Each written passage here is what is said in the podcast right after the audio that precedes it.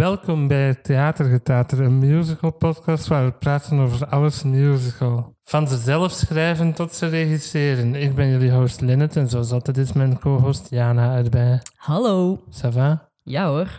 Oké. Uh, we hebben er weer een gast bij vandaag. Onze gast vandaag is een heuse klepper. Hij is regisseur, schrijver, acteur en medepresentator van de grote Peter van de Veire ochtendshow op M&M. Hij schreef al tal wat musicals, waaronder Magdalena, November 89, June Foster en If I Fall. Daarnaast was hij ook al te zien in Muerto en de Piet Piraat Show. En binnenkort maakt hij zijn opwachting in Ganesha. Dit jaar schreef hij ook zijn eerste boek, Hou mij niet vast. Welkom, Wannes Sinave. Hallo, dag lieve mensen. Wauw, wat een cv. Dat is de langste dat we ooit al hebben moeten Ja, Ja, als ik dat zo begin te horen, denk ik ook van mijn god, dat is al veel. Ja. Alles goed? Ja, heel goed. Een beetje moe, want we zijn terug bezig met een ochtendshow. Maar dat komt helemaal goed, dat is geen enkel probleem. Oké, Hoe vroeg moet je opstaan voor de ochtendshow? Vier uur. Allee, mijn wekker zal om kwart voor vier en om vier uur moet ik echt uit mijn bed zijn. Ja. Ja, dus echt heel pittig. Zeker als je weet dat ik nu... Ik slaap de afgelopen nachten echt niet voor een uur of twaalf, half één. Dus het is echt nachtjes van drie, vier uur. ja. Ja. En dan moet je zo super hyper en excited op de ochtendshow staan. Exact, exact. En dat, is, dat pikt elke morgen opnieuw. En elke morgen denk ik, waarom doe ik dit? Waarom doe ik dit? Maar ik blijf het met zoveel liefde en plezier doen. Dat kan ik geloven. Maar ik ben echt excited om u op de podcast te hebben. Het is Ik vind het heel fijn om hier te zijn. Ja, zo de enige en de eerste musical podcast in België. Ja, Hoe, hoe heerlijk. wat een niche, hè? Dat Maar ja. Ingevuld. En jij bent de eerste gast dat we hebben dat ik niet persoonlijk ken Ja. Oké. ehm, ervoor. We hebben er al zes of zo gehad. Maar dat zijn allemaal mensen die in het musicalveld zoals zitten ook. Dus acteurs vooral. Ja, En- vooral eigenlijk alleen acteurs. Alleen acteurs. En dit is de eerste creative dat wij hebben, Ja. om het zo wat te zeggen. Oeh. Ja. Het is een andere Spannend. invalshoek Ja. dan we Ja. normaal hebben. We gaan het dus niet hebben over een specifieke musical vandaag, zoals dat we meestal altijd wel doen. We gaan het eerder hebben over hoe dat jij musicals schrijft. Mhm. En hoe het productieproces ervan ineen zit en zo. Moet ik al mijn geheimen hier uit de doeken doen? Ja, Dat moet niet per se, nee. Ja, want er luistert echt heel veel volk naar dit podcast. Ja, ja, straks gaat iedereen musicals beginnen Ja. schrijven. Ik hoor het al. Ah, zo makkelijk is dat. Ik wou zeggen ehm, dat, we, dat het de eerste keer is dat we elkaar zien, maar dat is niet waar. Ik heb een fun fact. Echt? Ik heb ooit auditie gedaan voor november 89. Is en dat jij echt zat waar? in die zaal toen, ja. Niet Amai. gekregen uiteraard. Oh, maar sorry, we hebben, daar, we hebben daar 300 mensen gezien. Ik weet dat niet meer. Oh, dat spijt me echt heel hard. Sorry. Dat is echt helemaal oké, maar ik was gisteren aan het denken, volgens mij heb ik die wel al eens gezien. Ah ja, dat zal dan wel, ja, want ik was daarbij toen, ja. Ja. Het was wel een leuke auditie. Ah, maar kom volgende keer nog eens terug. Ik zal nog eens mijn best komen. Ja, doe. hey, kende mij nog? zo, langskomen zo. Ik zal de musical promoten op de podcast. Dan Ah, mag ik dat voilà. meedoen. Goed plan, yes. We hebben dus allebei wat vragen opgesteld eigenlijk. Ja, het wordt zo een interview. Ik vind het wel Ja. spannend, want als je een interview doet, dan moet je zo... Ja, er kan nog van alles gebeuren dan. Ja, maar dat is leuk, niet. hè? Ja, maar spannend wel. Mhm. Ik heb dat al veel gedaan, want ik heb filmschool gestudeerd. Ah, top, ja. Dus er er helemaal mee vertrouwd. Komt dat goed? En eh, nu doe ik theaterwetenschappen aan de UA. Yes. Ja, dat is mijn eerste vraag al eigenlijk. Wat is uw achtergrond? Wat heb je gestudeerd? hè? Oh, heb even. Eh, amai. Ehm, ik ben begonnen in middelbaar met gewoon Latijn wiskunde. Want ik wou eigenlijk heel graag ASO gaan doen en acteren gaan studeren, maar dat mocht niet van mijn ouders. Eh, omdat ik het te goed deed op school. En ze Ja, zoiets van, ja, nee, maar blijf dan maar. ASO doen. Je zit daar goed. Ben erg zo blij dat ik dat blijf doen. Ze. Eh, maar dan daarna ben ik toelatingsproef gaan doen eh, in Brussel voor musical en in Antwerpen voor acteren. En dan was ik op de twee scholen toegelaten en dan heb ik de keuze gemaakt om in Antwerpen te gaan voor acteren. Ehm, dat was misschien niet de beste keuze, omdat ze in Antwerpen nogal anti-musical waren. Ah ja, zo Ehm, serieus acteren. ja, ja, dat was echt dat. Dus daar ben ik dan na een jaar gestopt. Dan ben ik een jaar vertaler-tolk gaan doen, ook in Antwerpen. Eh, ben ik ook na een jaar mee gestopt. Dat was ook niet helemaal mijn ding. En dan heb ik drie jaar journalistiek radio gestudeerd. Ah ja. En dat is een beetje mijn traject. Dus er zit een beetje acteren in, maar toch vooral radio. Hm. Maar toch al wel van vroeg al geweten dat je iets met theater creatief wou doen. dan. Ja, als ik dat nu uitreken, ik sta intussen... Maar moet ik even stellen? Eh 18 jaar op de planken, denk ik. Tien. Wat? Ja, ik ben echt begonnen toen ik vijf of zes was. Zoals als kindacteur. Ja, dan. echt als kind direct begonnen ermee. Dus dat is echt al heel lang. En in wat dan? Dat was echt zo amateurtheater in de buurt bij ons. En echt Ja. daar dan direct begonnen. En daar echt twaalf jaar gespeeld, denk Uh-huh. ik. En dan zo de overstap gemaakt naar grotere en professionele productie. Dat sluit al heel mooi aan op wat ik wou vragen. Dat is, hoe is die liefde met theater voor u ontstaan? Oh ja, dat is echt daar gebeurd. Hè. Dus echt als klein kindje daar binnengekomen. Dat was ja, een musical. Volgens mij was het de eerste Vrouw Holle. Dat was echt zo een, een stom sprookje. maar dat was heerlijk om te doen. Dat was een heel klein rolletje. En daar heb ik echt zo die microben te pakken gekregen. En dan echt ja, niet meer gestopt sindsdien. Mhm. Ja, en dan acteren, maar hoe ben je dan bij ehm, schrijven en regisseren uitgekomen? Mhm. Ja, ehm, hoe ben ik daarbij terechtgekomen? Ik ben altijd al wel zo'n beetje een verhalenverteller geweest. Dus ik ben altijd wel bezig geweest met verhalen vertellen en ook zo wat dingetjes schrijven op school al en zo. En dan in het vijfde middelbaar, denk ik, ben ik begonnen aan een kortfilm te schrijven voor mijn eindwerk in het zesde. En dat was eigenlijk het eerste echt grotere project dat ik had geschreven. Mhm. En toen heb ik gemerkt van, "Amai, maar ik doe dit eigenlijk echt wel graag, dat schrijven.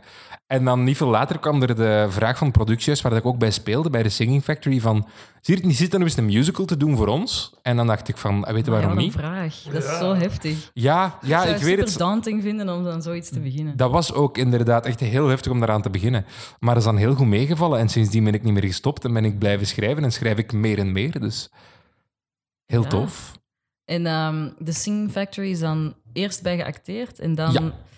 Nu zit je eigenlijk in het creatieve team van de Singing Factory. Yes, ik ben daar begonnen in The Wave. Dat moet geweest zijn in 2016, denk ik. Daar ben ik gaan spelen eerst. En dan inderdaad was daar de vraag van, oké, maar wat is de volgende productie die we gaan doen? En ze vonden daar maar niet echt iets. Dan dachten we, ja, kom, we gaan iets maken. Dan is aan mij gevraagd. En ja, dat is dan heel goed aangeslagen. Mensen waren daar heel content over. En sindsdien inderdaad ben ik zo wat de vaste schrijver voor Mm. de Singing Factory en maak ik daar heel veel producties. En wat is de eerste dat je daar gemaakt hebt? Magdalena, dat was de Mm, ja. allereerste. Dat was direct een hele pittige. Echt twee jaar mee bezig geweest ook. Dus dat is een heel fijn proces geweest ook. Die ziet er wel super... Ik heb hem nooit gezien, maar op YouTube staan zo wat filmpjes en Mhm. zo. Ja. Superleuk, hè?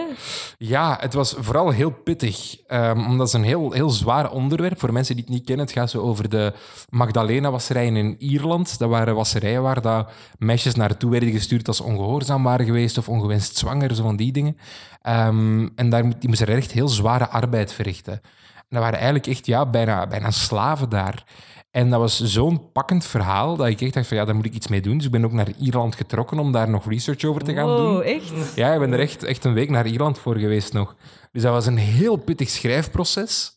Ik denk dat we ook 20, 22 versies hebben gehad van dat script, voordat er uiteindelijk echt een Mhm. definitieve versie lag. En ja, uiteindelijk waren de reacties dan zo overweldigend. Dat was heel, heel fijn. Schrijf je graag over zo van die zwaardere dingen? Want Ja, degenen daarna zijn ook geen ehm, cheerful... nee, ik doe dat eigenlijk altijd wel. Ja, ik denk dat dat een beetje onbewust is. Omdat dat is inderdaad begonnen met die Magdalena en dan november 89 ging over de val van de Berlijnse muur. Dus dat was ook inderdaad niet vrolijk. En dan June Foster was de laatste dat ik had geschreven. En oké, dat was zo... Dat was een vrolijke musical op zich, maar dat ging wel over pleegzorg en echt over een thema dat wel heftig is ook. Mhm. Maar ik vind dat wel fijn om zo er altijd wel een laag in te steken die u zo wat doet nadenken of die u wel met wat ja, stof tot nadenken naar huis stuurt. Dat vind ik wel tof. Dat je niet gewoon naar een musical gaat kijken en achteraf denkt oh, dit was leuk, leuk feestje gebouwd, doei. Dat je nog wel met mijn gevoel achterblijft. Ik vind musicals die gewoon... Dat was leuk, ook wel tof. Tuurlijk, ja, ja, maar dat is heel tof, hè. En dat moet er ook zijn. Maar ik wil dat ooit misschien ook wel eens schrijven. Maar voor nu denk ik zo, ja, nee, ik vind het echt wel tof om zo Ja, ja, iets anders te maken. Ja. Iets dat mensen misschien niet gewoon zijn van musicals. Misschien dat ene jaar acteren in Antwerpen toch de serieus kan Ja, voilà, dat heb ik toch vandaar dan meegepakt. Toch iets geleerd.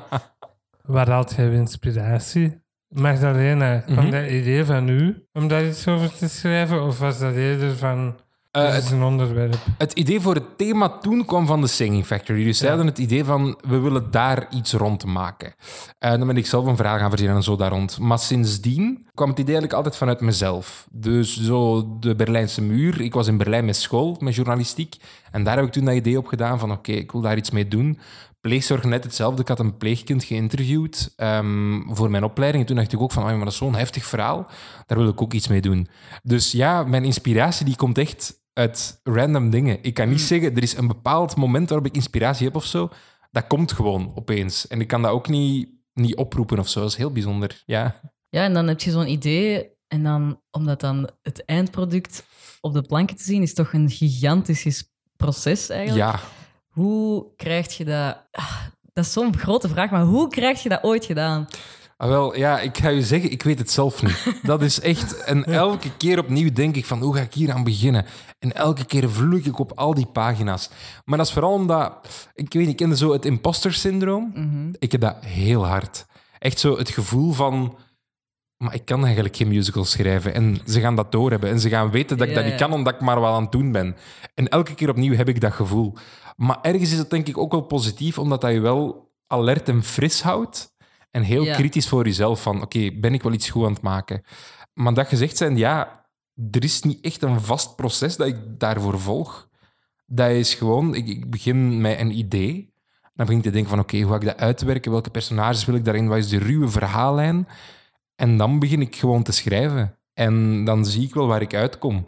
En meestal de eerste versie die dat er ligt, tegenover de première versie, dat is echt een andere voorstelling. anders, ja. Dus dat groeit zo hard op dat anderhalf jaar, twee jaar dat je daarmee bezig bent. Dat dat echt, ja, het is een lang proces. En ik kan ook ik kan niet zeggen, zo schrijf je een musical. En is er veel samenwerking ook mee te, te maken? Of doe je het graag alleen eigenlijk? Er zit sowieso heel veel samenwerking in. Want bijvoorbeeld, ik schrijf de muziek niet zelf. Dat is altijd in Ah, ja. samenwerking met een andere componist. Meestal Sam Verhoeven, soms ook Christophe Aarts. Allebei heel fijn om mee samen te werken. Dus dat is al een heel nauwe samenwerking. En ik kies er ook altijd voor als ik met een andere regisseur werk, dus niet als ik zelf regisseer, dan ga ik ook heel sterk in overleg met de regisseur. Dus die gaat dan ook echt mee alle versies van het script lezen. En dan ga ik er echt soms drie uur naartoe om gewoon eens te praten en te zien van oké, dit ligt er nu, wat moet daar nog mee gebeuren? Dus ik vind dat heel belangrijk dat daar veel samenwerking in is. Omdat ik kan misschien iets goed vinden en ik kan misschien het idee hebben van ik ben iets mooi aan het maken. Maar iemand anders kan dan misschien naar kijken en zeggen van oeh, maar dit is waar raar, of dit komt niet binnen, of dit snap ik niet. Dus daarmee dat ik het wel belangrijk vind dat er altijd meerdere mensen ook naar een Ja. script kijken. Ik zou ook altijd wel veel feedback willen hebben Mhm. over. Ja, Dan nog met dat imposter syndroom. Van, is het Voilà. goed? Wat vind jullie ervan? absoluut. Ja. Dat is, inderdaad, dan maakt het nog erger. Zo dat gevoel van, oh wacht, maar dit moet echt wel goed zijn, want anders gaan ze het dat ik het niet kan. Mhm. Ja, schrijven is toch wel super. Ik vind het altijd moeilijk om te zien hoe dat dan gaat overkomen als het mm, door mensen gesproken Mhm. wordt, zeg maar. Ja, Ik daar heb ik dat zo... er aan- nog veel verandert als je het dan in de repetities begint te doen. Mhm. Ja en nee, dat is een beetje dubbel. Omdat ik begin vaak pas echt met het- de scènes te schrijven en de dialogen te schrijven als we de eerste audities hebben gehad. En dan begin ik echt dan? pas... Daarvoor zet ik ruwe lijnen uit oké. en begin ik soms wel hier en daar iets te schrijven. Maar echt de grote versies komen pas nadat ik audities heb gehad. Omdat ik dan inderdaad al mensen voor mij zie. Mm, En zie van, oké, zo gaan die dan ongeveer spelen en zo ziet dat eruit. En dat helpt mij heel hard om iets te schrijven dat geloofwaardig gaat overkomen. En dat heel, ja, dat gewoon gaat kloppen op een podium. Langs de andere kant, inderdaad, tijdens een repetitiesproces verandert er sowieso nog veel. Misschien het, het, het grootste voorbeeld daarvan was bij november. Er was daar één song in, ehm, die gezongen werd door de moeder. Die werd gespeeld door Maaike Boerdam, echt heerlijke actrice. mhm. En die had een solo-song. En ik weet nog, heel de generale week, van maandag tot en met donderdag hadden we generale week. En ik had echt elke dag het gevoel van, maar daar klopt iets niet. Dat, die song die wringt zo, dat, dat klopt niet in het verhaal of zo. En een dag van de generale zei ik echt van, Maaike, even aan tafel gaan zitten. Wat denkt jij, die song, klopt dat? Inderdaad, we waren erop uitgekomen dat daar iets niet juist zat. Dus ik heb dan echt op de dag van de generale repetitie nog een volledig nieuwe songtekst geschreven voor dat nummer. My Ja, God. echt compleet omgegooid. Er was geen zin die nog hetzelfde was. En dan heeft Maaike dan ook die dag moeten instuderen en dan klopte het, het plaatje. Dus inderdaad, dat kan opeens zijn dat ik zo denk van, "Oh, maar dit is raar. Of ja, dit klopt toch niet meer in het hele plaatje als, het, als ik het zie op een podium. Ja. Dus dat gebeurt inderdaad wel. Dat is zo theater, hè? zo last minute. Mhm. nog Zo, mm, ik ga alles omgooien. Ja, ja, ja. Dat is wel het extreemste voorbeeld, hoor. Echt zo, voor de eerst zijn dat meestal kleine veranderingen. Ja, ja. Maar dat was echt een volledige songtekst eventjes. Nee, we vegen het van tafel en we maken iets nieuw. Als je aan de muzieknummers werkt, Mhm. is het dan eerst muziek of eerst tekst? Dat hangt er ook een beetje vanaf met wie dat ik samenwerk. Ehm, met Sam en Christophe doe ik altijd eerst de tekst. Ben nu nog bezig aan iets nieuws waar dat eerst de muziek wordt geschreven. Mhm. Ehm, maar ik werk meestal dat ik eerst de teksten schrijf. Omdat ik vind ook, een nummer moet altijd vertrekken vanuit het verhaal. Een nummer moet vertrekken vanuit, dit is een logisch moment om een nummer te gaan starten. En als je dan eerst muziek gaat maken, ja, dan moet je daar een tekst op gaan verzinnen die daarop past. En dat vind ik maar raar of zo. Ik, vind, ik wil woorden schrijven die op dat moment kloppen. En dat moet in een ritme zijn dat voor mij klopt. En ik moet de woorden kunnen gebruiken die ik wil gebruiken. En dat is moeilijker als je al muziek hebt. Dus daarmee dat ik altijd begin met eerst woorden op papier Ja. te zetten. En wanneer is een goed moment om een lied te beginnen? Wat je juist zei van... Dat is heel gevoelsmatig. Dat is, ja, daar zijn ook geen regels voor, denk ik. Ja, want soms Dat kijk ik een musical en denk zo... Oh, het is Mhm. songtime. Dan was het Ja. zo helemaal niet het moment of zo, maar meestal vloeit dat zo organisch. En dan denk ik, hoe, Mhm. hoe voelt je dat dat zo nu het moment is? Ja, dat is echt... Ja, gewoon aanvoelen. Dat is echt een keer denken van... Op welk moment worden de gevoelens die aanwezig zijn zo heftig dat het logisch is dat je een stapje verder gaat en dat je er muziek bij gaat, ver- Ja, ja. gaat betrekken. Dat is mooi Het is een beetje... Ja, dat een beetje aanvoelen. Ja. Ik heb Carrie Hope Fletcher ooit eens horen zeggen dat ze dat gebruikte wanneer dat ze dacht dat er magie zou gebruikt zijn in een, een fantasyboek of zo. Dan Ah, ja. een Ja. Dat is, ja, dat is ook een goede omschrijving. Mhm. Het productieproces zo'n beetje van de musical dat je dan zelf schrijft. Vanaf wanneer heb jij zoiets van, ah, hier kan ik jou een keer iets mee proberen, laten zien of zo. Ehm, dat is bij mij altijd redelijk laat. Ehm, omdat ik ben niet rap tevreden. Ik heb altijd heel lang het gevoel van, oeh, maar dit is niet goed. Oeh, dit moet nog heel veel aan veranderen. Dus vanaf stap 1 betrek ik wel de regisseur er altijd bij en de muziekschrijver. Die zijn er echt heel het proces bij betrokken.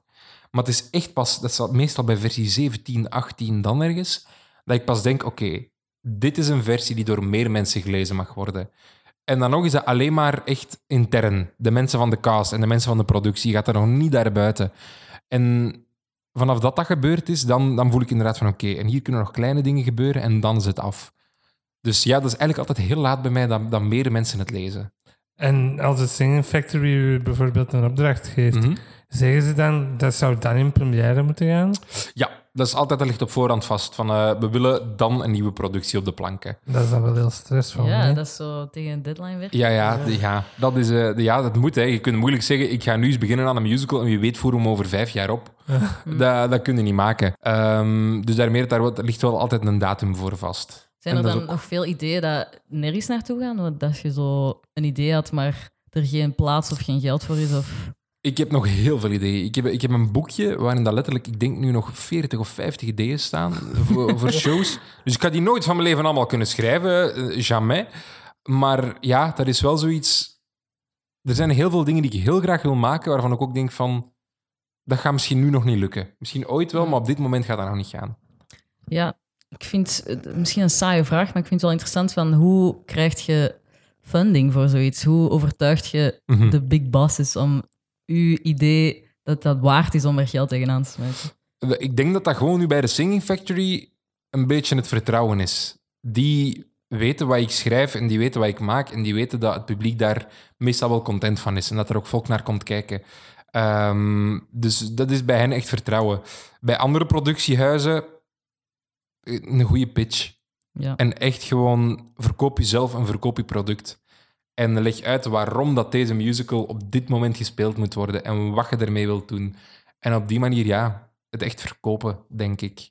Maar ik heb nu inderdaad het geluk dat ik bij de Sing Factory redelijk vast daar dingen kan maken en dat ik ook nooit moet twijfelen van, ah, ga ik wel een productie nog mogen maken daar? Ja, ja. Omdat ik die kansen krijg. Dat is wel heel leuk, fijn. die zekerheid. Want ik denk dat vaak in zo de creatieve industrie ideeën verloren gaan of, of Mhm. er geen plaats voor is. En dan is dat wel super spijtig. Ja, zeker in België, omdat er zijn heel weinig, maar echt heel weinig productiehuizen die. Ja, goede originele producties maken. Ik denk, je hebt de Singing Factory, je hebt die theaterproducties die fantastische dingen doen. D-Bridge heel af en toe. meestal zo dingen die al bestaan. Ja, voilà. Ja. En dan Studio 100 één keer op de twee jaar. En dat is het. Ja. Dat is het van originele shows in België. En dat is echt niet meer veel. Spijtig. Ja, echt heel spijtig. Vlaamse medialandschap. Ja, dat was al een vraag van hoe ervaart jij België als een musical land? Ah, ik heb echt zo altijd het gevoel dat ik in het verkeerde land geboren ben. Ja. Dat is zo stom, hè? want dan schrijf ik een musical, zo bijvoorbeeld die Magdalena. En daar komen dan reacties op van, ja, dit zou echt op de West End moeten staan. En dan denk ik van, ja, maar ja, begin maar eens hè, vanuit België. Begin maar eens een musical te pitchen in Londen. Dat is niet simpel, hè. Dus ja, daarmee dat ik echt echt uit de grond van mijn hart hoop dat die producties op een bepaald moment wel richting buitenland kunnen gaan en Mhm. vertaald kunnen worden. Ik weet, we zijn nu met twee producties bezig met de pitchen aan het buitenland. Dus dat komt er misschien wel aan. Maar dat is altijd, ja, België is een heel kleine markt. Hè. Je zit hier met een half miljoen Vlamingen, want je moet ook maar rekenen, alleen maar Vlamingen komen kijken. Ja. Mensen uit Wallonië gaan niet naar een Vlaamse musical komen kijken, waarvan dan misschien nog maar 2, 3 procent open staat om naar een musical te gaan kijken. ja, ik vind musical onder de Vlaamse bevolking is helemaal Mhm. niet iets waar mensen zo van denken van ik ga van het weekend naar een musical. Nee, voilà. Het is dat. Dus, eh, Alleen misschien zo 40, 45, omdat dat zo hard Dat dan weer wel. en gigantisch is. Maar dan denk ik ook al van, ah, had ik maar in Nederland geboren Mm. bijvoorbeeld, want daar is is veel veel groter landschap. Eh, dus ja, dat vind ik ergens wel jammer. Langs de andere kant is het ook wel uitdagend, omdat je je publiek tot bij je moet krijgen. En inderdaad misschien daarna kunt zien van, wat gaan we hier nog mee doen? Dat is wel tof. Ik heb wel zo altijd het gevoel dat zo, zeker Vlamingen, zoiets hebben van... Ah, we hebben er nu één in het jaar gezien, nu moeten we niet meer naar iets anders gaan zien. Ja, totdat ze naar een productie gaan die dat ze echt pakt. Dat heb ik helemaal gemerkt bijvoorbeeld bij Magdalena. Ik heb echt heel veel mensen gehoord die kwamen kijken en die echt op voorhand zoiets hadden van, oh man, een musical. Oh, oh. Die mee waren gesleurd door, door hun vriendin of zo bijvoorbeeld. dat is die, die echt eh, in de zaal gingen zitten met het idee van, allee, ja, bon, even twee dit uitzweten en dan kunnen we naar huis en dan is het gedaan. En die dan achteraf naar mij kwamen en zeiden van, zijn er nog tickets voor volgende week? Amai. Die dan echt zoiets hadden van, ja, maar ik wil dit nog eens komen kijken. Dus ja, ik denk dat een beetje een imagoprobleem is ook. Ja. Dat veel mensen alleen maar denken van, oh ja, maar ja, een musical, dat is, dat is Oh, een dat is Mamma Scheiß, Mia. ja, En dat is niks mis met Mamma Mia, want heel fijne productie. Maar die alleen maar denken van, ah ja, maar dat is dat. Dat is allemaal vrolijk Ja. op het podium staan en op elk moment in een song uitbarsten. Dat ik denk van, ja, maar nee, nee, nee, nee, nee, nee. Er zijn zoveel soorten musicals. Geef dat een kans. En misschien vind je het echt wel fantastisch. Het kan ook zijn dat je het niks vindt, hè. Maar ja, dus dat inderdaad heeft een imagoprobleem. Maar als je gewoon echt goede producties maakt, dan komen de mensen wel kijken, denk ik. Je merkt dat wel, dat dat meestal zo één productie is dat zoiets los kan maken. Ja. En iemand direct een musical van gewoon kan maken. Dat hebben we ook gemerkt bij Magdalena bijvoorbeeld. Die, dat was de eerste productie dat wij deden. En daar hebben wij met twee weekends mee gespeeld. En intussen nu met If I Fall, dat is twee jaar later, drie jaar later zijn we nu, spelen we al meer dan een volledige maand. Dus dat is zo, dat publiek begint wel te groeien en mensen beginnen te weten wat dat wij doen en wat dat wij maken. Het is wel heel fijn om te zien dat, dat dat aanslaat en dat mensen inderdaad de weg beginnen te vinden naar oeh, maar dat is ook musical. Misschien wil ik dat wel gaan kijken.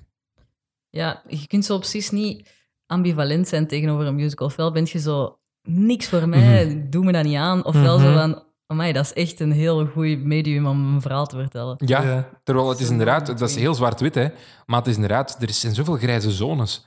Ik, ik ga ook niet graag naar alle musicals. Er zijn Ja. evengoed musicals dat ik denk van, ah, maar dat is toch niet echt mijn ding. Maar juist hetzelfde met films of met theater. Het is gewoon een medium. Ik ga ook niet alle films even graag zien. Dat is zoals mensen die zeggen, ik hou niet van musicals, dat is zoals ik zou zeggen, ik hou niet van films. Ja, voilà. Dat is echt nonsens eigenlijk. Ja, dat, dat, niemand zegt, ik hou niet van films. Ik hou niet van bepaalde soorten films. Maar ja, dat snappen mensen niet. Een oproep naar al onze luisteraars. Ja. Maar ja, als je naar deze podcast luistert, dan hou Dan zijn je al redelijk musical-minded. Ja, Ja. ja, ja. Acteer jij vaak in je eigen musicals? Of... Ja, dat wou ik ook nog vragen. Ik heb dat- Lin-Manuel Miranda-style. Ja. Eén keer gedaan. Eén keer gedaan in Magdalena. En dat was op zich een heel fijne ervaring. Maar ik heb toen wel gemerkt dat ik zo ergens wat overzicht verloor over de voorstelling. Mhm. Hmm. Dat ik achteraf dan opnames zag en dacht van... Oeh, maar daar zitten nog wel dingetjes in dat ik eigenlijk had willen uithalen. Of die ik nog beter had willen uitwerken. Die dat je gewoon niet ziet omdat je mee op het podium staat Ja. en het, het, het grote plaatje niet meer ziet. Dus sindsdien heb ik dat eigenlijk niet meer gedaan. Ik zeg niet dat ik het nooit meer ga doen, hè, maar ik heb toen wel gemerkt van dat is wel een beperking. Om in iets te staan dat je zelf geschreven hebt. Ja, dat En schreef je dan die rol en dacht je dan, dit ben ik. Nee, nee, totaal niet. Nee, want ik heb, echt, ik heb echt nog zware auditie moeten doen voor die rol en workshops moeten doen voor die rol. En echt tegen andere mensen nog moeten vechten om die rol te krijgen. Dus het was zeker niet op voorhand van, ah, maar ik ga iets spelen en ik ga dat wel krijgen. Zo is het niet gegaan. Nee, het was echt... Ik had dat geschreven en toen dacht ik van, oeh, toffe rol wel. Misschien wil ik dat wel spelen ook. En dan ben ik ook auditie gaan doen gewoon. Mhm. Maar dat is wel nice. Echt nog zo fair de rol verdient wel. Ah ja, ja, maar dat vind ik ook wel belangrijk. Dat, ja, ja ik, ik wil niet de persoon zijn die inderdaad zegt van, ik schrijf dit voor mezelf en als het niet met mij is, dan gaan we het niet doen. Dat wil je ik kunt dat wel eisen natuurlijk. Als Ja, dat kan, maar dat vind ik ook zo... Nee, ik wil de beste persoon op een rol. Ja. Mm. Ik wil niet mezelf daarin zetten omdat ik het dan kan spelen. Eh, ja, ik heb nog één laatste vraag over productie van musical. Mhm. Er lijkt alsof er zoveel punten zijn waarop dat productieproces mis kan gaan. Wat, zijn er punten dat het vaak misgaat? Of... Ehm, er zijn heel veel punten waarop het mis kan gaan. Punt 1, bij mij is meestal timing. Daar gaat het heel erg mis. Mijn deadlines is altijd een ramp. Dus ik ben echt zo altijd, ik begin dan te schrijven heel rustig en ik denk van, oh, maar ik heb nog tijd, ik heb nog tijd, ik heb nog tijd. Dan begint die een deadline te naderen en zo de laatste week denk ik van, oh, fuck, ik moet nog een halve musical schrijven. Eh, en dan is echt zo die laatste week gas geven, gas geven, gas geven. Dus dat is al één punt, timing. Zijn er nog punten waar het echt zo zwaar mis kan gaan? Ehm, ja, heel praktisch, maar een zaal zoeken. Dat is misschien heel stom, hè? maar in België zijn er zo weinig goede zalen Ja, voor ja. musical. Dus dat is ook al een, een heel groot struikelblok vaak. En voor de rest, ja, casting kan een struikelblok zijn. Heb ik eigenlijk nog nooit problemen mee gehad. Ik heb nog nooit iemand gecast dat ik ik denk achteraf dat er dacht... veel mensen zijn die wilde auditie doen. Er is Mhm. niet een tekort aan Nee. musicalspelers in Voilà. Ik Dat is inderdaad het voordeel. We hebben heel hard gemerkt van... Oké, de mensen komen wel. Als we op een auditie 300 mensen zien, dan weet je op voorhand van... Daar gaat goed volk tussen zitten. En we gaan Ja. echt keuze hebben. Ja, er is eigenlijk te weinig aanbod van eh, Ja. rollen. Exact. Dus, Alleen bij jongens misschien... ah, Dat is een beetje een knelpunt soms, goede jongens vinden. Eh, maar dat betert ook wel. Mm. En daar, daar ben ik Cat That Musical heel dankbaar voor. Je kunt zeggen over Cat That Musical wat dat je wilt, maar daar komt echt wel talent uit. ja. En daar komen echt goede jongeren en goede kinderen uit die op die manier die microben te pakken krijgen en zin krijgen in musical. Mm. Dus dat is echt wel een grote verdienst van Cat That Musical. En daardoor merk ik ook wel de laatste tijd dat er meer en meer jongens ook de weg vinden naar, naar musical. Daar had ik nog niet over nagedacht, maar eigenlijk is dat wel waar. Ja, dat is echt zo. Dat is heel, echt effectief. We hebben dat gemerkt ook met June Foster. Opeens zat die zaal vol en we dachten van, oh, maar normaal gezien gaan kinderen toch niet zo vaak naar musicals kijken. Was dat en een kindermusical? ja, jongeren. Dat was echt zo genre kid en musical. Echt Ja, op jongeren gericht, met een deftig verhaal wel erbij. En ook voor volwassenen ook heel fijn om te kijken. Maar dat was wel zo inderdaad eerder een familiemusical. En door jongeren gespeeld dan ook? Ja, al onze producties eigenlijk. Alles wat ik schrijf tot nu toe is altijd met een hele groep jongeren erin. Hm. Ook omdat dat- dat, het, dat is het unique selling point van de Singing Factory. Mm. Dat is waar dat zij voor staan. Dat is echt voor producties met een grote groep jongeren die centraal staan. En dat is heel fijn om op te schrijven ook. Is dat leuk om te regisseren ook? Jongeren? Eh, vermoeiend, maar heel fijn wel. Dat Dat is, zijn eh, echt zo theory kids wel, die zo Ja. loud en... Ja, ja, dus dat is constant zingen en dansen en echt... Ze stil krijgen is vaak de hel, maar je krijgt er ook zoveel van terug en Ja, zoveel ja. energie van terug. En je voelt echt die ik denk ook goesting. als je dat gedaan hebt, dat je dat echt voor eeuwig bijhoudt Ja. als zo van een goede ervaring. Dat is echt, dat is altijd ook zo gewoon, zeker omdat dat heel veel jongeren zijn, dat, is echt, dat wordt zo'n familie. En dat is heel Mm. fijn om te Mm. merken van die hangen zo aan elkaar en je zit eraan tussen. Ja, dat is heel tof, heel fijne sfeer altijd. Regisseert je jongeren anders dan oudere mensen, om het zo wat te zeggen? Ja, sowieso. Eh, jongeren moet je nog ook vaker bij hun handje wat vastpakken ergens. Allee, moet je eerder gaan zeggen van ja, maar ik wil dat je het zo doet. Mhm. En moeten eerder soms al eens een keer gaan voordoen van ja, maar nee, nee, die zin wil ik toch wel anders. Omdat dat gewoon, ja, die hebben nog niet genoeg ervaring vaak om zelf aan te voelen Ja, ja. hoe bedoelt hij het? Terwijl bij volwassenen is het vaak, omdat er vaak ook professionelen zijn, vaak gewoon zeggen van ja, nee, probeer dat eens anders of probeer dat eens zo. En die zijn daarmee weg. Dus dat is een heel andere manier van regisseren, maar ik vind het allebei wel heel fijn. Ja. Je hebt dan een musical geregisseerd dat je niet zelf geschreven hebt, hè? Ja, ben ik nu mee bezig met School of Rock. Ah, en ehm, ik had precies ook ergens gelezen dat jij 13 hebt gedaan. Juist, amai, dat heb ik ook nog gedaan. ja, 13 heb ik ook geregisseerd. Ja, klopt. Dus dat ben ik ook beginnen doen dan, twee, drie jaar geleden moet het ook zijn geweest, 13 denk ik. 2018. Dus ja, drie jaar geleden. Ja, dat is compleet anders, hè, omdat je met het verhaal van iemand anders bezig bent en je moet je wel aan dat script houden en je kunt niet zomaar zeggen, eh, maar dit werkt niet, ik gooi dat Ja. eruit. Ja. Ik heb dat stiekem misschien soms wel gedaan. Mhm. Maar dat gaan we niet zeggen aan de mensen van de, van de musical. Ja, dus dat is heel anders, omdat je moet aan de slag met bestaand materiaal en je moet daar iets mee doen.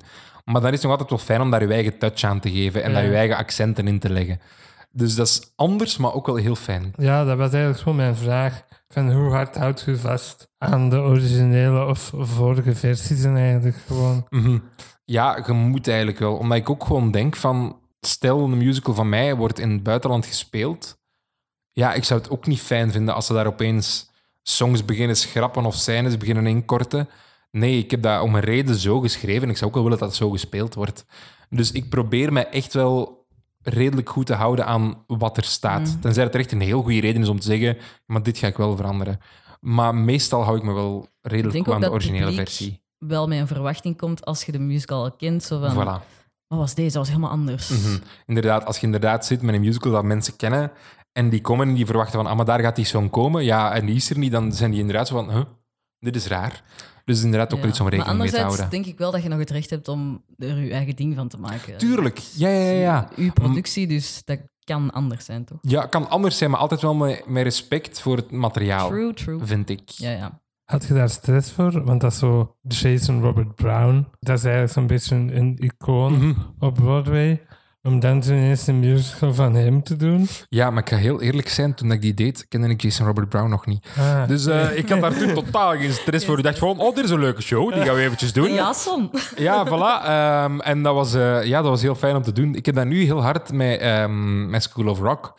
Omdat het is een productie van Andrew Lloyd Webber. En je kunt fan, fan zijn van hem of niet. Ik ben meestal niet zo'n fan van zijn producties. Maar ja, dat is wel echt een legende. Ja. en daar niet- moeten we wel respect voor hebben. En zeker, we hebben echt de première buiten Broadway en de West End. We zijn de eerste die het mogen spelen, dus dat is wel een eer. Wat? Echt? Ja, dat is echt heel pittig. We zijn de eerste professionele productie buiten West End en Broadway.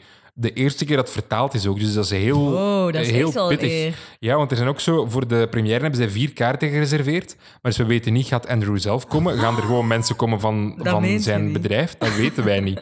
Dus daar heb ik heel veel stress voor. Stel je voor, Andrew zit ineens in dat publiek. Ja, maar dat, het kan zomaar gebeuren. Dat, dat weten we dus niet. Dit is geridderd, zit daar zo even zo... eh.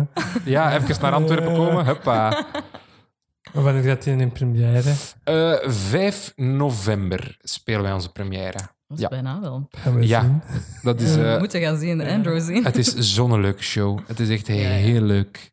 Heb ja. jij die al gezien in, eh, in Londen? Ik had de kans ehm, om hem in New York te zien. Mhm. Ah, Maar dan was het kiezen tussen Hamilton of School of Rock. Ah ja, Dus dan, en dan dat snap was ik de ja. keuze. in 2017 dan nog. Dus dan was dat zo van... Ja, ik hoor wel meer betere dingen over Hamilton. Maar ik wil hem wel heel graag zien, School of Rock. Ik vind Hamilton een beetje overrated. Sorry.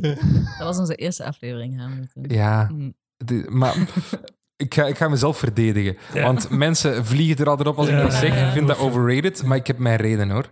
Ik vind Hamilton qua muziek en qua tekst zo sterk, maar echt ongelooflijk sterk gemaakt. En dan zie ik die productie en dan denk ik echt, maar dit is eigenlijk dat is precies een, een uit de hand gelopen workshop of zo. Ik vind dat geen afgewerkt product precies. En ja, ik vind dat jammer, omdat dat zo'n sterke muziek, maar als musical werkt dat voor mij niet. Hm. Dat komt niet binnen op een of andere manier. Ja, ik heb dat ook wel leren kennen eerder als zo'n album op Voilà. Spotify dan. Exact dat. Topalbum. En I love it. Maar als musical werkt het voor mij niet.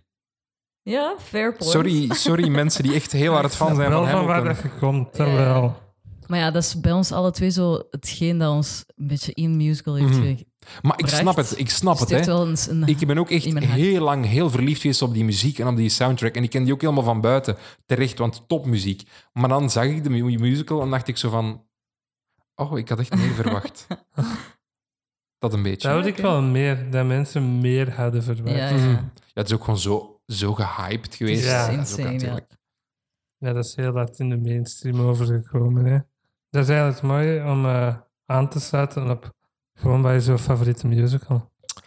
Dat is ook een heel moeilijke, omdat ik, heb, ik ben zo'n beetje de persoon die twee, drie maanden een favoriete musical heeft, dat echt Oh ja. op repeat blijft draaien en het dan beu is, en dan een nieuwe favoriete musical heeft en een half jaar later terug denkt van oh, maar dat was tof, ik ga daar terug naar luisteren. Ehm, dus wat is het nu op dit moment? Eh, terug een beetje Heathers. Heathers. Ja, Dat vind ik hoor ik niet vaak. zo'n leuke show en ik wil die heel graag eens naar België halen. Ja, dat vind ik een heel leuke show. Ik heb die ook gezien in Londen zonder verwachtingen. Twee zomers geleden, denk ik. Moet dat Mhm. geweest zijn met Carrie Hope Fletcher Ja. Ja, ja. En ik kende die voorstelling totaal niet, maar dat was bij de Today. We stonden we eraan te schuiven. Oké, wat- wat is er? Headers, oké. We gaan daar maar eens gaan kijken. zien. En ik was toen zo weggeblazen door die show dat ik dacht van, wat is dit? Ik wil hier meer over weten. En dan ben ik echt zo twee maanden geobsedeerd geweest door Heathers. En echt, ja, sindsdien is dat wel altijd zo'n beetje een grote liefde gebleven. Dus dat is dat en Come From Away. Hmm. Come From Away blijft het best wat ik heb gezien in Londen. Dus dat is ook altijd wel een plaatje in mijn hart. Die komt online, hè? Ik weet het en ik ben heel excited omdat gender ook terug in zit. Ja. En die komt ook naar Holland. Daar, Ja, daar ook mijn hart ja. voor vast. Ja. Ja? Ja, omdat Come From Away is een productie, dat is zo goed, omdat je zit met die verschillende accenten en die verschillende personages die door dezelfde persoon worden gespeeld en zo. Maar ik ben heel bang... Ja, in Nederland gaan ze daar ook accenten tegenaan smijten. Ja. En gaat er ook opeens Amsterdammers en Rotterdammers en zo. Ik weet dat op voorhand. En dan denk ik van, oeh, maar ga ik dat wel leuk vinden om dat opeens zo te zien? Snap je? Ja, ja, Ja. Want daar zit echt een lijn in van als je ons niet verstaat, Ja, ja. dat is normaal. En dat zou zo wat uh, Ja. zoiets kunnen zijn. Zo. Ik had dat ook met Billy Elliot bijvoorbeeld. In Londen, die praten allemaal heel Ja. plat Engels. Echt zo dat, wat is het, Noord-Iers, denk ik, Ja. accent. Of zo, zo'n Noord-Schots accent. Echt zo heel Mhm. plat. En dan ging ik dat in Nederland kijken en was ook opeens zo'n heel plat Nederlands accent. Ja. En dan dacht ik van, oeh, maar pff, dat is niet zo aangenaam om naar te kijken als je niet Nederlands bent zelf. Dus daar ben ik een beetje bang voor bij Come From Away ook. Maar ik ga het, ik ga het een kans geven. Hè. Ja, ik denk ook wel altijd zo musicals dat je nauw aan het hart liggen, dat je zo wat bang Voilà. bent dat ze dat gaan verpesten. Exact, exact. Mhm. Wij gaan Heather samen zien in Londen, waarschijnlijk. Ah, top. Waarschijnlijk, ja. Want Oh. We hebben tickets gekocht voor eh, Anything Goes met Ja. Seth Foster, die dan nu in Londen komt. En dan is het de laatste keer dat ze hem spelen, Heathers. Ik hoop zo dat ze verlengen, want ik raak er pas in november. Maar ik Ja. vrees ervoor. Het is nu tot en met 11 september. Ja, En wij komen de niet- tiende aan. Dus we Ja. gaan proberen Closing Night. Ja, probeer het te gaan. Het is echt zo'n Ja. leuke show. Oh. Ja, ik heb er al wel veel van gezien, zo. Stiekem al op YouTube Mhm. gekeken. En. Mhm. En we hebben ook dingen, hè. Bijvoorbeeld Weed hebben wij live, Live gezien. ook een keer. in Mean Girls. ah ja, oh. Maar Mean Girls, soms van. Van, Ik niet echt. Maar- van sommige was- dingen. We hebben er een aflevering over gedaan en we hebben het echt gedisagreed. Want ik ben echt wel fan van Mean Girls. Ik vind het echt wel leuk. Mhm. En Lennart absoluut niet. Ja, ik ben zo wat in between. Ja, Een beetje torn. Zo van, vind ik het goed of niet? Er zitten heel leuke dingen in, heel leuke songs in, heel leuke choreo's in. Maar sommige dingen denk ik ook van, nou, jammer. Ik ben vooral fan van de cast, Ja. vind ik fantastisch Ja, daarin. klopt. behalve Tenzij Barrett dat dan. Ja. En dingen, hè. Ehm, hoe heet hem nou weer, dat ze erin hebben gesmeten? Godverdomme. Eh, zo echt een Amerikaanse influencer die er opeens in Cameron zat. Dallas. Ja, Ja. ja. Daar hebben we ook over gepraat. Mhm, terecht.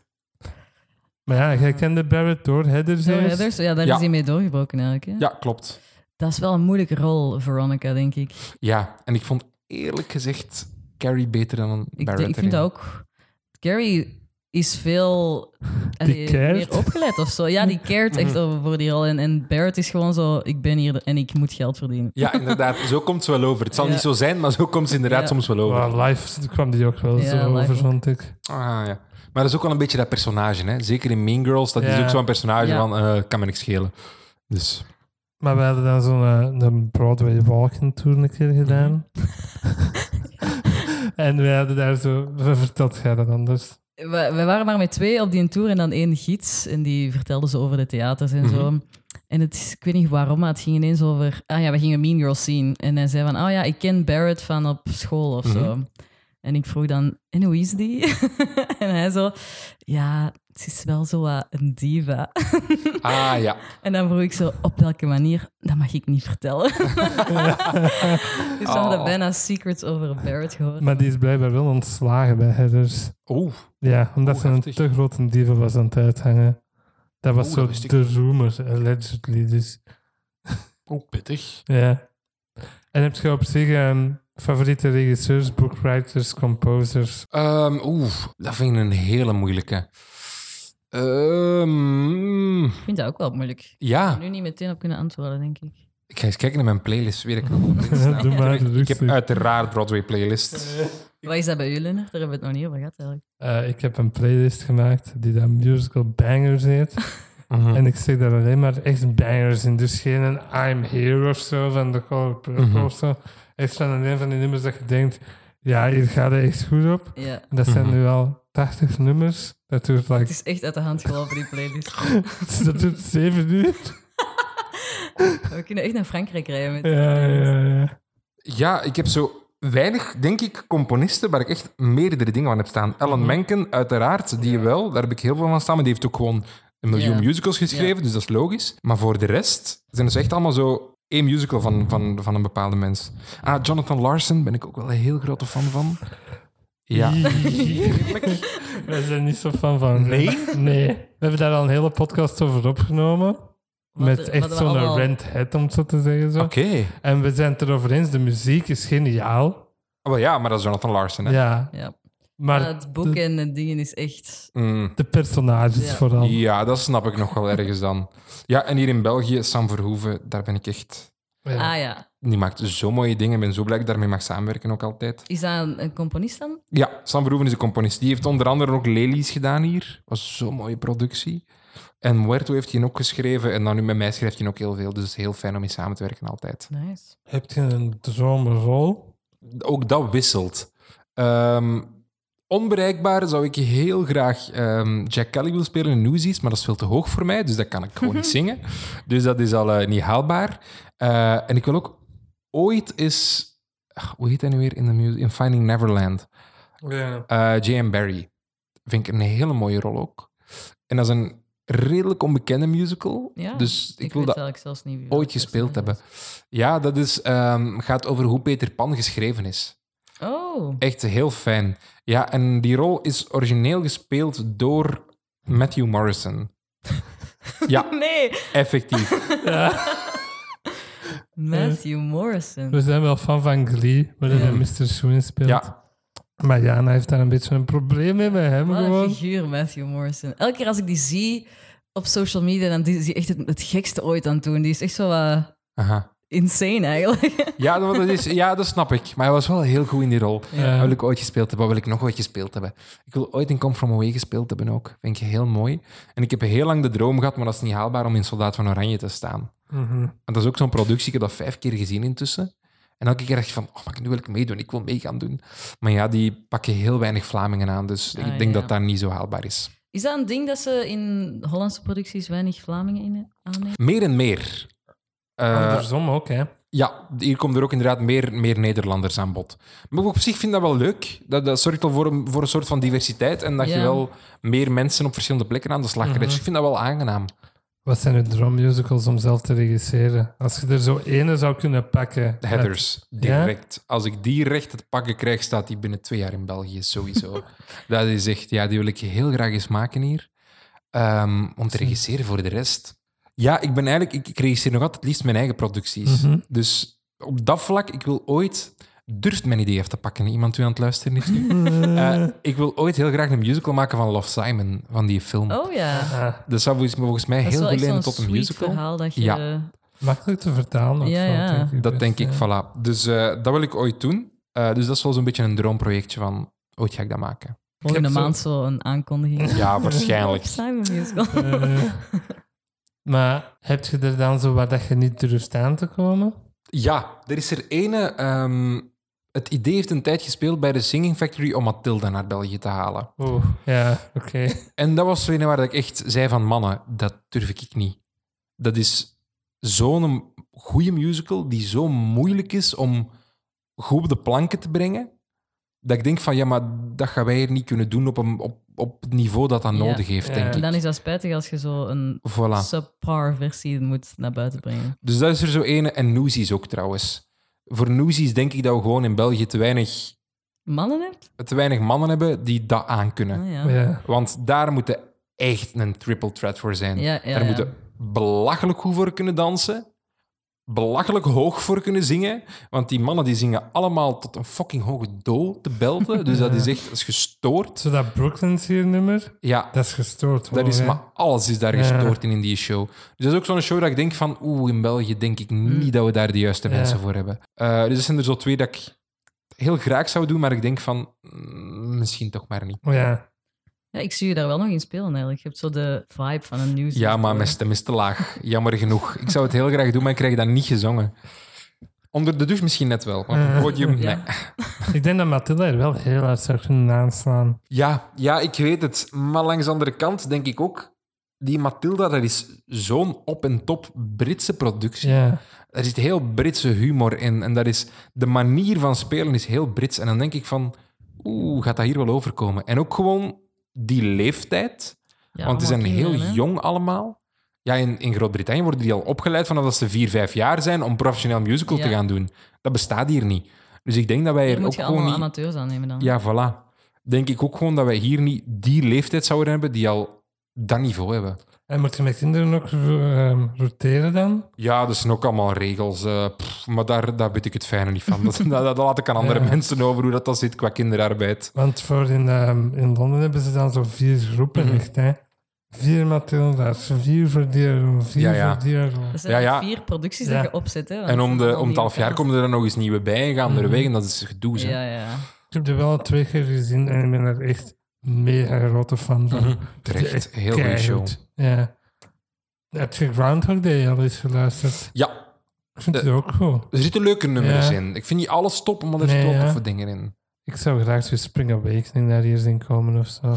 Die heeft hier gespeeld, hè. Ehm, Dat wel, komt altijd te laten weten. Ja, heel goed gespeeld zelfs. Eh, Carthago heeft dat gedaan in och, Oosterzelen. Dat was echt heel lokaal. Echt maar Ja. best wel een grote zaal.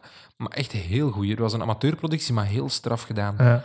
Maar dat is inderdaad misschien wel een productie dat ik denk van die wil ik misschien ooit ook nog wel eens professioneel doen. Want ze doen hem nu in Nederland. Ja. Eh, De La Mar doet hem. En eh, ik wil die echt super graag gaan Mhm. zien. ja, ik denk dat we die ook gaan zien. Ja. Heb jij nog vraagjes? Ehm, ik had nog één vraag voor musical. Ik vind altijd bij Vlaamse musical, denk ik altijd aan zo van die grote ensembleproducties Mhm. over een of andere historische veldslag of zo. Dat is zo... Waarom wilden Vlamingen altijd zo van die musicals zien? Eh, I don't know. Ik weet het echt niet. Ja, ik weet het niet, omdat dat misschien ergens veilig voelt of zo. Omdat je weet van, ah, maar dit soort musicals ken ik of zo. Ja, Dit heb ik al vaak gezien, dus ik weet wat, waar ik aan mij moet verwachten.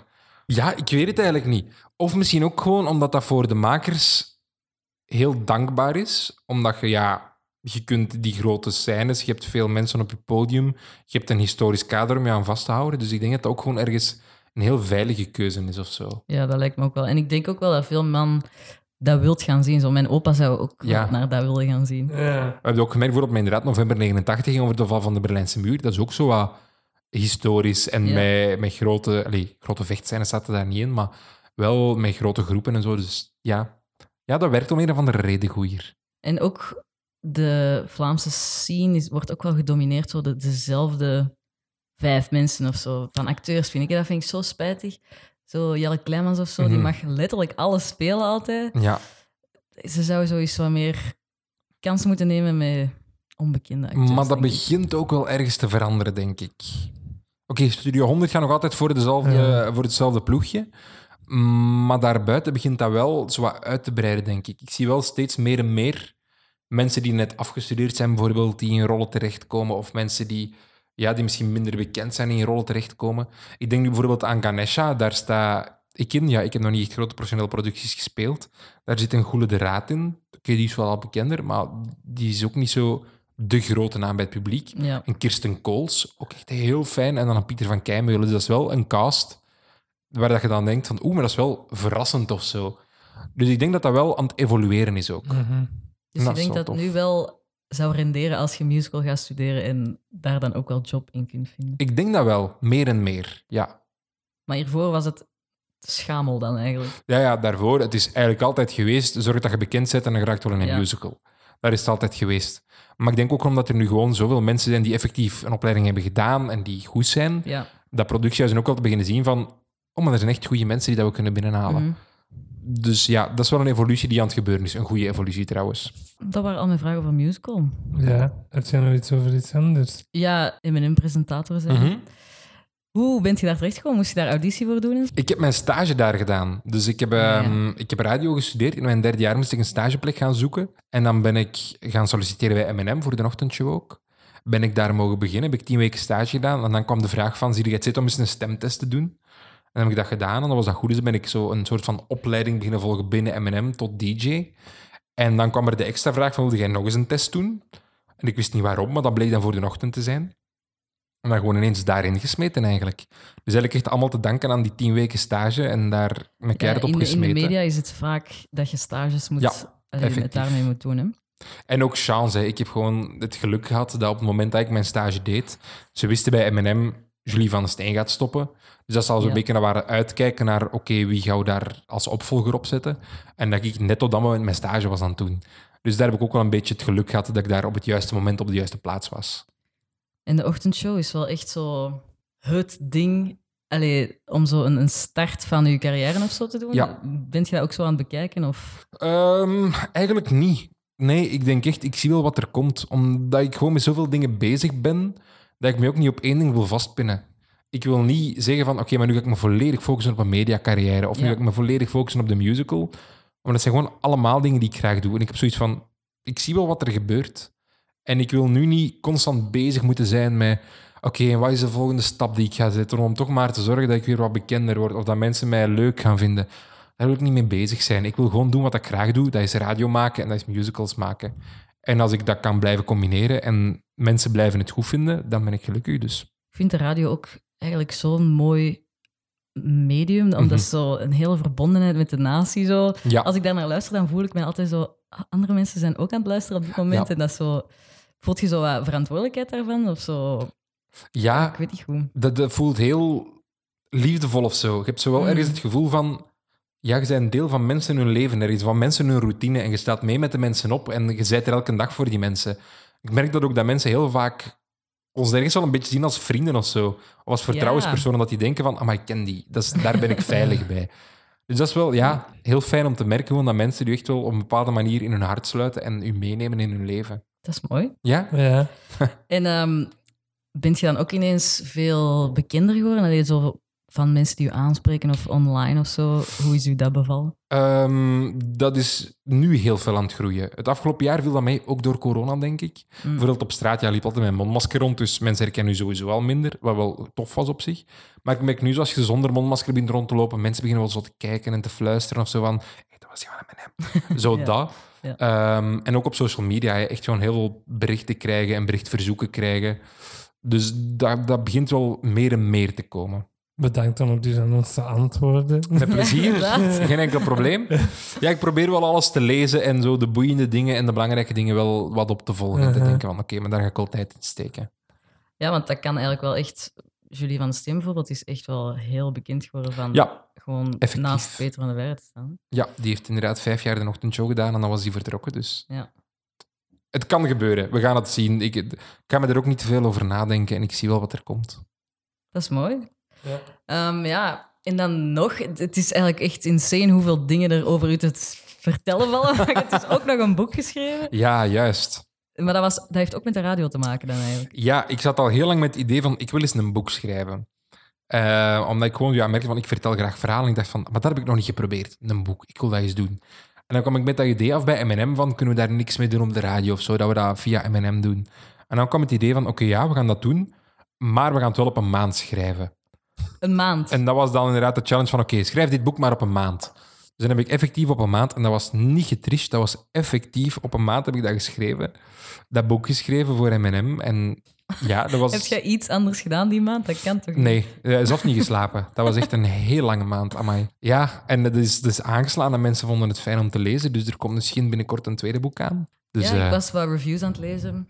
Gewoon aan het, aan het stalken eigenlijk. Mhm. En het was allemaal kei positief. Allee, zo heel veel jongeren vinden het precies echt wel... Ja, het heeft zijn publiek gevonden. En dat vind ik wel tof. Dat je zo merkt van inderdaad, de mensen voor wie het bedoeld is, die zijn er echt wel mee weg. Inderdaad, er zijn hier en daar wel wat mensen, volwassenen soms, die zeggen van het was niet helemaal 100% mijn ding of ik had wel wat vragen bij sommige dingen. Maar dat vind ik ook niet erg. Omdat ik denk van ja, maar ik heb het echt geschreven op jongeren. En als volwassenen het tof vinden, fantastisch. Maar het is echt geschreven op die een doelgroep. En bent je dan sowieso wel fan van young adult verhalen? Want uw Ja. musicals zijn ook altijd wel young adult. hè? Ja, dat is, ja, ik lees dat ook vooral. Dat, is, dat zijn de boeken dat ik het meeste lees, young adult boeken. Mm. Dus ik heb ook, denk ik, het meeste voeling met dat genre. En dat zit ook altijd inderdaad in mijn voorstellingen wel.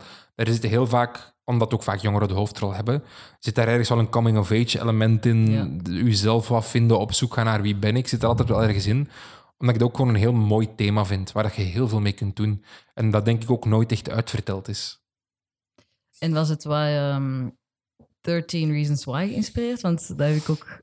Eh, De, de, ge- aan de samenvatting leek daar zo wel op. geïnspireerd niet per se. Maar het is zowel inderdaad datzelfde genre. En ik heb 30 Reasons Why nooit gelezen. Ik heb alleen de reeks gezien. Ah ja. Dus het was inderdaad zowel dat genre en dat beeld in mijn achterhoofd, maar niet per se van, ik ga ook zo'n verhaal maken. ja, maar het is wel zo hetzelfde publiek als Ja, 13 Reasons. exact. En ik wil dingen vragen over boek schrijven, maar ja, het, is, het heeft eigenlijk een heel ander eh, pad naar het boek. Mhm. Want vaak als je een boek wilt schrijven, dan duurt dat super lang om Ah, ja. mensen te vinden dat dat willen publiceren en eh, editors en zo. Maar ben je gewoon op 30 dagen en hopla. Ja, nu was het echt zo, oké, dag één, een verhaal verzinnen. Shit. Aan het einde van de eerste week lag het volledige verhaal er. Dan wist ik van, oké, dit gaat het worden. Dan een eerste pagina geschreven, die hadden we voorgelezen op M&M. En dan kwam er direct de vraag van een uitgever van, ik heb dat gehoord en ik vond het echt wel top, die eerste pagina. Wilde meer uitleg geven. En dan gaan pitchen van, oké, dit is het boek. En dan zijn die zegt, oké, we gaan mee in zee stappen. En ja, een maand later lag het boek er. Dus het is heel Zalig. snel gegaan, ja. Het overvalt je ook allemaal wel zo. Ja, dat is echt. Want nu inderdaad vanuit de uitgeverij is dan de vraag gekomen van... Zie je het zit om nog een tweede te schrijven? Dus het is hen eigenlijk ook blijkbaar goed bevallen. Dus ja. Perfect. En dan om af te sluiten. Is er iets dat jij echt wilt bereiken? Als ik denk qua onbereikbare dromen... Ik wil heel graag een musical in Londen of op Broadway belopen. Ik weet, dat is een hele moeilijke. Hè? En de kans dat dat lukt is klein. Maar ik heb nog wel even tijd ook. Hè? Oh ja. Dus eh, ik hoop echt dat dat ervan komt. Maar als ik nu denk van bijvoorbeeld, we zijn echt met producties naar het buitenland aan het trekken en waarschijnlijk gaat er binnen twee, drie jaar eentje in Duitsland spelen. Ja, eens dat je daar bent, Dat is dan is al de weg naar Londen al makkelijker. Dus wie weet lukt het ooit. En ik denk altijd, Lin-Manuel Miranda had zijn eerste ook maar op zijn 27e naar Broadway. Dus dan heb ik nog drie jaar tijd. Dus, Ja, maar eh, voor we, voordat je hier werd, zeiden we nog van hoe oud is hij eigenlijk? 24. Wij zijn ook 24. Mhm. En jij bent musicals aan het schrijven en wij praten over musicals op het moet ook gebeuren. hè. Als er Iemand niemand over doen. praat, komt er ook niemand kijken. Het is belangrijk. En eh, we zetten op de planning voor u in de nabije toekomst. Als je even wilt zeggen van, komt daar een keer allemaal naar zien. Heel, heel, heel, heel, heel veel. Amai, wacht. eh heb een minuutje. Ehm, Ganesha speelt vanaf 14, 15 oktober, half oktober in ieder geval, in het Fakkeltheater. Daar speel ik in mee. School of Rock speelt vanaf 5 november in het Zuiderpershuis. Die regisseer ik. In het voorjaar komt If I Fall, die heb ik geschreven. Dat is in april, denk ik, ook in het Zuiderpershuis. Volgend jaar eh, komt er een nieuwe dat ik aan het schrijven ben in het najaar. Komt er nog een waar ik nog niks over mag zeggen in het voorjaar van 23. En komt er nog één in het voorjaar van 23. Dus echt, de planning zit bomvol. Ja, aan mij. Maar je hebt, geen tij- je hebt geen tijd om te slapen. Je hebt al Nee, gezegd. nee, slapen, dat, dat Nee. doe ik niet aan mee. Dat is En je kunt hem ook elke ochtend horen. exact dat ook Op nog eens. Ja, dat was er ook nog. Oh. Als je geen genoeg kunt krijgen van mannen. er is Je zal me wel vinden ergens. Kunnen mensen je volgen op sociale media? Zeker wel. Gewoon eventjes Wanne Sinave. En dan vind je het wel ergens. Of als je gewoon Wanne intikt, zoveel Wannen zijn er niet. Dus dan zult je het wel vinden waarschijnlijk. Ja. Voordat Jana de outro doet, ontzettend bedankt dat je dit wou doen. Met heel veel plezier. Ik vond het echt gezellig. Ik Ja, vond het top. leuk. Dank je. Ik vond het ook gezellig. Ja. Dit was aan Theatergetater voor deze aflevering. Bedankt om te luisteren. Nog eens bedankt aan Wanne om langs te komen. Abonneer u en laat een 5-sterren review achter in de podcast. Ja, app. doen. Reviews zijn belangrijk. En word of mouth helpt ook altijd goed, dus vertel aan je vrienden. Eh, we zijn te bereiken via theatergetater.gmail.com, op Twitter via @getaterpot, @lennartstaals en @jijane. En op Instagram zijn we theatergetater underscore podcast. Bye. Theatergetater, Doei. tot later! Oh, goed, goed.